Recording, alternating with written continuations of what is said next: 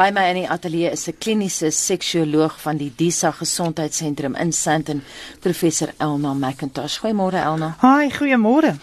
Elna, ons het nou in hierdie bydrae gehoor dat die vrou onder meer gesê het dat sy behoort aan 'n privaat Facebook groep en sy mm. praat met ander, sy kry raad daar en so aan. Jy praat met beide mans en vroue oor hierdie mm. verskynsel.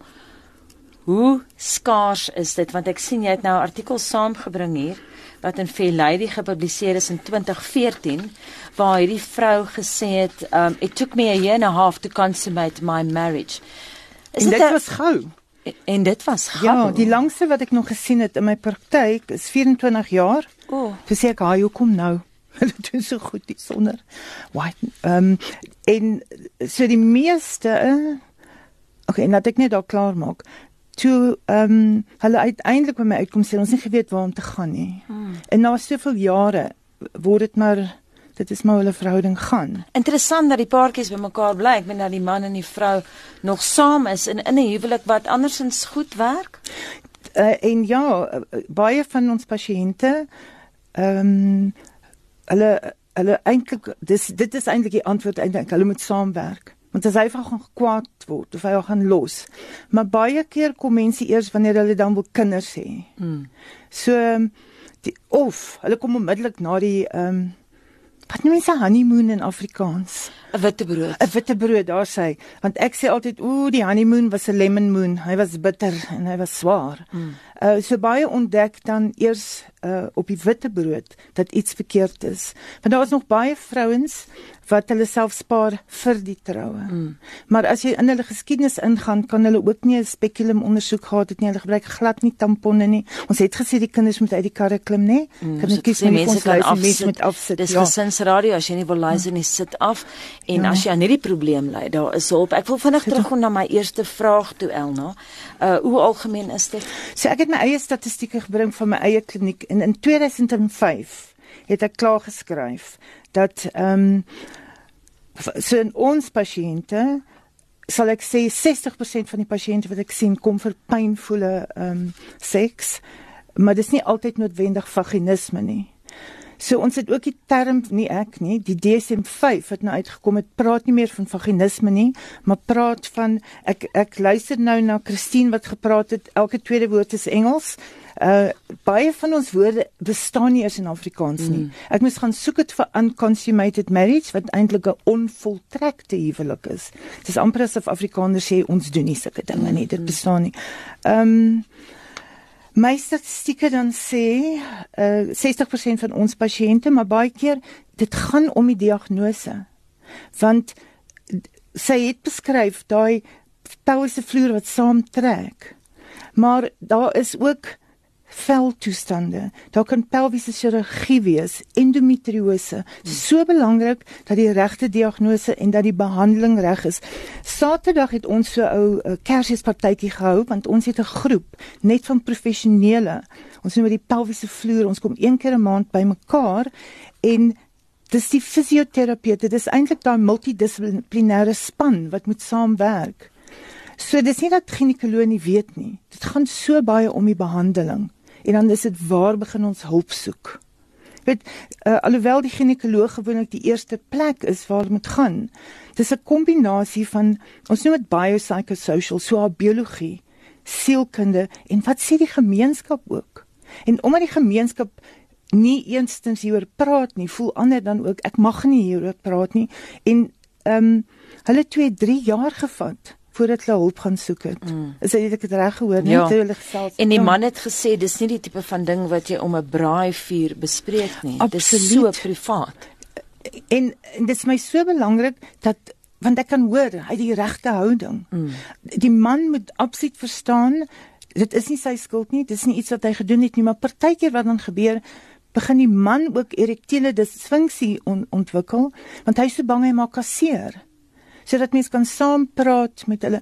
Dit is ook belangrik dat ons na albei kyk, want partykeer het 'n man erektiele disfunksie en dit is hoekom penetrasie nie plaasvind nie. Ons dink almal is is seksuele uh, eksperte, maar ehm um, baie mense hulle hulle dis net iets ons praat nie daaroor nie en dit moet natuurlik wees en ons moet dit net doen.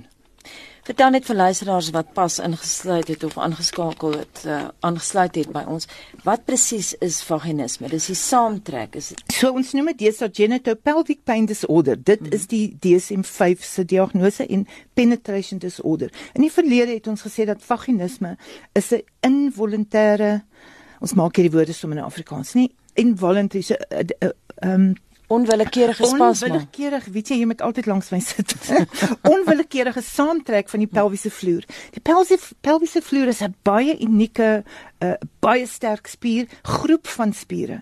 Wat onthou nou ons alles dit, dit is soos 'n um, dit moet alles in plek hou. Die pubococcygeus spier, groot naam, ons praat van die PC spier uh, wat beheer het oor jou blaas, oor jou vagina, oor jou anus. So baie vrouens het miskien blaasprobleme as kind gehad. So uh, dit uiteindelik want op in jou onderbewussyn, pyn is baie uniek en uniek tot die persoon. So as jy al klaar en pyn en vrees, ek al sê altyd hulle hulle twee het getrou en hulle is almal baie lelike koppel saam. So uh, praat en ehm um, net praat en bietjie soos hy gesê het ons gaan koop 'n bietjie lubrikasie daar by die apteek dit by op sigself gaan nie werk nie. Hmm. So dis belangrik en deesdae van dit Botox gearriveer het. Ek voel amper weet ons het Zambak daai unieke Suid-Afrikaanse produk. Dis wat Botox besig is om te word. Deesdae as iemand as vaginisme gediagnoseer is, die eerste ding is Botox. Maar vir ons voel ons Botox moet die laaste ding wees. Botox is verslap spiere mm. basies kan nie net in enige iemand se hande gesit word nie. Dis verskriklik belangrik dat dit in die regte hande, in die regte persoon, in die regte plek ingespuit word. Ons waarsku weer eens sensitiewe luisteraars as jy kinders by jou het en nie na die gesprek wil luister nie, kan jy na half 8 weer inskakel. Ons maak die gesprek eers klaar. Uh ons praat vanoggend oor vaginisme. Nou ons het gehoor in die vorige bydrae dat die jong vrou sê baie interessante ding. Sy sê as jy apteek toe gaan, dan sien jy hulp vir erektiele disfunksie. Ja. Mens sien oral in Suid-Afrika mm. dit. Almal wel almal praat nie daaroor nie, maar daar word geadverteer, doen ja. dit of hier kan jy hulp mm. kry, maar niemand praat oor halfluister. Niemand praat oor vaginisme nie. Ja. En dit is deel van die probleem. Hoe gaan ons daai stigma verbreek want dit is niemand se skuld nie. Dit klink vir my uit die vorige verhaal asof hierdie vrou daar daar sielkundige probleme was. Sy het 'n 'n geskiedenis gehad van 'n baie baie swak verhouding met 'n man. So en dat dit bygedra het. Dis nie, so nie almal in in uh, die meeste van die pasiënte wat ek sien, het 'n wonderlike lewe gehad. Het eh, ehm uh, um, so sy sy het alles dis wat baie keer my sê het alles gedoen. Die kerk het gesê geen voorhuwelikse seks nie. Maar ehm um, baie van die jong mense vandag, ek noem hulle die AIDS era kinders Hulle het groot geword tussen, jy weet, die millennials. In in die 80er jare en die 90er jare het ons gepraat van sex equals AIDS equals death. So mm. dit so as jy seks het, gaan jy dood. So hulle onderbewus en natuurlik nie almal nie. Maar dit hang ook af, weet jy, maar van die bytjies en die bye, the birds and the bees gepraat, weet jy van die aasvoëls en die perdebye gepraat. Hierdie baie mense gebruik skok om vir hulle kinders te sê packs van uh, dit is so belangrik dat met ons kinders begin praat op op natuurlik op 'n uh, wat wat reg is vir daardie ouderdom. Jy kan nou nie vir die 50-jarige kind sit en en sê pa gaan ma penetreer nie. Ons sê eers kyk die kat het kleintjies gekry en dan praat ons daaroor. En as hulle 8 is, want as teen die tyd wat jou kind 10 is, kan hulle lees, skryf en hulle kan elke opskrif daarby te sien. Ek het eintlik gekyk toe ek gery het vanoggend. Elke derde paal het iets oor seks. Jy weet elke koerant het 'n skok ding ergens oor. So ons kinders word blootgestel op die en, en nie altyd op die regte manier blootgestel aan seksualiteit nie. Ek glo dit is die ouers want dit is almal sê ja maar nou uh, wat is life skills nou in die skool deesdae hulle doen mm. almal life skills seker lewensvaardighede lewensvaardighede mm. ja dit is dis daai juffrou se werk of daai meneer se werk om vir die kinders leer nee dit is nie dis in jou ouer huis waar dit moet begin Nou praat ons oor oorsake van vaginisme. Ons praat nou half sielkundig, ja. maar wat van die fisiese oorsake? So fisiese oorsake, ehm um, so daar kan 'n pelviese vloer disfunksie wees, veltoestande. Jou dermatoloog is soms baie belangrik. Goeters soos lichen planus, lichen sclerosis, selfs iets soos 'n candida infeksie mm. kan pyn veroorsaak en dan ehm um, so dis belangrik dat ons weet dat haar seksuele gesondheid is goed. Ehm um, En dan daar's 'n toestand wat ons noem vulvodynia. En vulvodynia beteken basies net pyn rondom jou vulva. So hmm. dit is 'n baie groot ehm um, woord vir wat baie goed omskryf. En dan praat ons ook van vestibulodynia. Dis nou 'n baie groot woord in die vestibul. So dis deel van jou anatomie. Een van die groot dinge vir my pasiënte is hulle het eintlik nog nooit na hulle self gekyk nie. So ek sê al hy speel uit en kyk. Want mens kyk die hele dag vir jou gesig. Mm. Maar dis asof jy weet dis soos die Bermuda Triangle. Niemand kom ooit terug daarvan nie. Ons gaan soen toe nie. Ons net daar praat nie. Bly weg daar. Gevaarlike plek. En ek dink mense moet vrede maak. Dis deel van jou lyf. Sy gee vir jou 'n probleem, maar hoekom? Want iemand het besluit die klitoris het 8000 senuwee-eindes en dis net vir plesier. En dit was nie ek nie. -hmm. So dis is hoe ons lywe werk. Mm. En seks gaan eintlik rondom plesier en ja natuurlik kinders hê en al die ander dinge maar rondom, maar eintlik is, is seksualiteit kyk na gesonde seks. Ehm um, maar Christine, Christine het gepraat van haar verhouding mm. wat uh, en dit natuurlik speel 'n groot rol, maar ons kan nie sê alles is in die vrou se kop nie.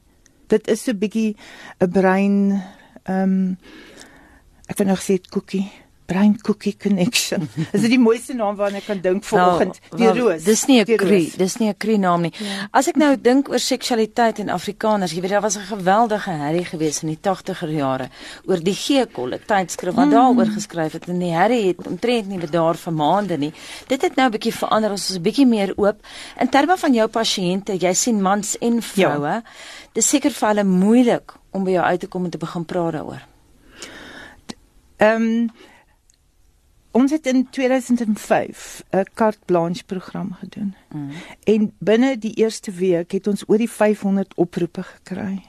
So carte blanche gaan nie word nie eens deur almal gesien nie, maar dit is radioprogramme soos hierdie. Sari die vriendin vir elke vrou. Ons moet skryf en ons moet praat. Want as as mense nie hulle weet nie waar om te begin nie. En nou, wat sê die pasiënte vir jou? So hulle, hulle baie keer sê hulle net ek ek het uiteindelik 'n naam vir my pyn.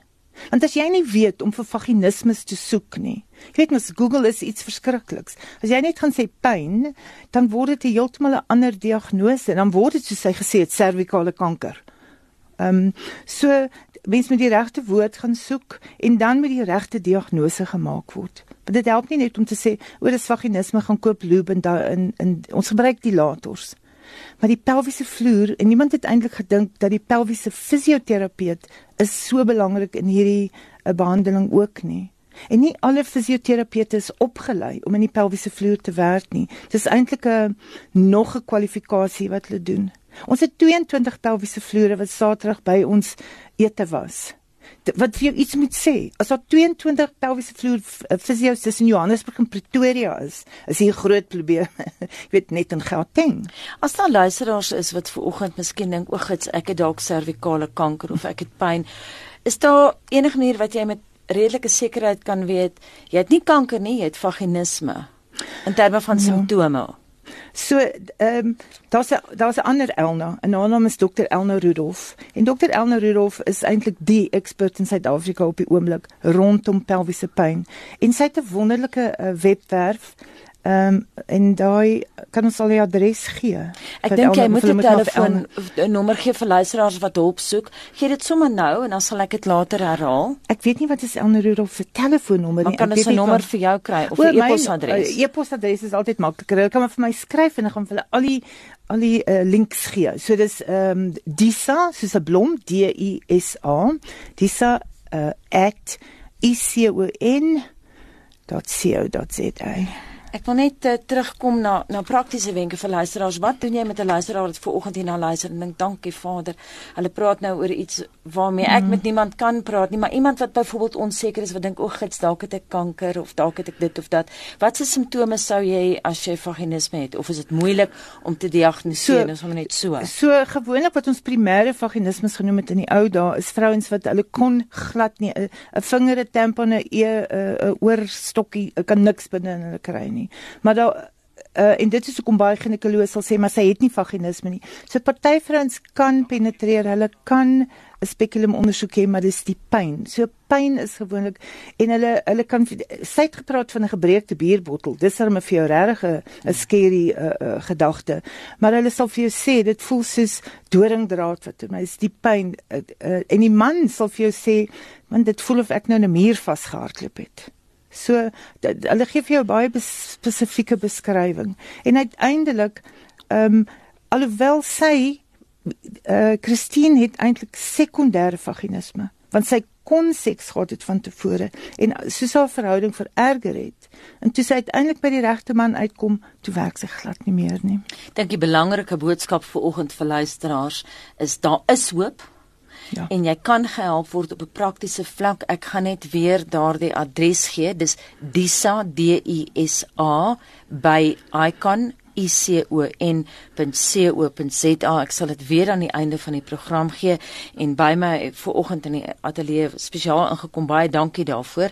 Was 'n um, kliniese seksuoloog van die Disa Gesondheidssentrum in Sandton en dis professor Elna McIntosh. Elna, baie dankie dat jy met ons kom gesels het. Ek hoop jy kry navraag